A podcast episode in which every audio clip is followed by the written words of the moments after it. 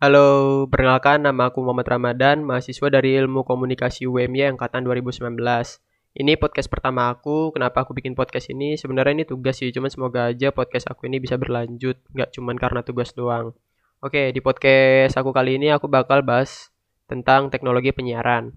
Di sini aku bakal jelasin tentang karakter penyiaran. Sebenarnya banyak sih yang bisa dibahas tentang teknologi penyiaran, cuman aku ngambilnya karakter. Ada lima aspek dalam penyelenggaraan penyiaran. Yang pertama komunikasi massa, yang kedua organisasi atau kelembagaan, yang ketiga teknologi, yang keempat operasional, dan yang terakhir regulasi. Pertama, komunikasi massa. Kajian komunikasi massa banyak berkisar tentang kajian tentang penyiaran, seperti efek media, isi media, audiens media. Kedua, organisasi kelembagaan. Pertama, dalam penyelenggaraan op atau operasionalnya, penyiaran harus mengkoordinasi banyak SDM dengan profesi masing-masing sehingga menghasilkan satu produksi dan satu pengudaraan siaran. Kedua, perlu adanya proses manajerial, yaitu proses perencanaan, pengorganisasian, pelaksanaan, dan pengendalian proses produksi. Uh, yang ketiga, teknologi, yaitu tersedia spektrum radio, harus ada sarana pemancar atau transmisi, harus ada siaran seperti program atau acara, harus adanya perangkat penerima siaran, dan harus dapat diterima secara serentak atau bersamaan. Yang keempat, operasional. Dalam aspek operasional meliputi programming, program siaran, peralatan penyiaran, dan peralatan rekam.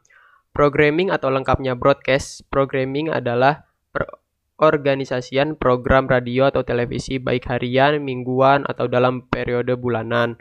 Dan yang terakhir ada regulasi yaitu Undang-Undang Nomor 32 Tahun 2002 tentang penyiaran dan pedoman perilaku penyiaran standar program siaran atau kalau disingkat PP PSPS, Triple P SPS.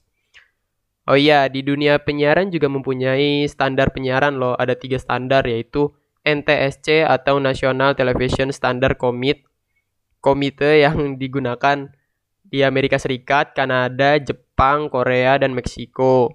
Yang kedua PAL atau Pace Alternating by Line yang digunakan di sebagian Asia termasuk Indonesia juga, Australia, Cina, Amerika Serikat, dan sebagian Eropa. Yang ketiga SECAM atau Sequential Color Affect Memoir yang digunakan di Prancis, Asia Tengah, dan beberapa negara di Afrika. Nah, oke, okay, terima kasih buat teman-teman yang udah dengerin podcast aku. Maaf kalau ngomong bahasa Inggrisnya nggak bener, lidah orang Sunda mah emang suka beda. Setelah podcast ini, aku bakal bikin podcast lagi tentang karakter radio dan televisi. Itu juga sama tugas juga. Ikutin terus podcast uh, aku ya guys. Semoga kalian suka. See you, bye.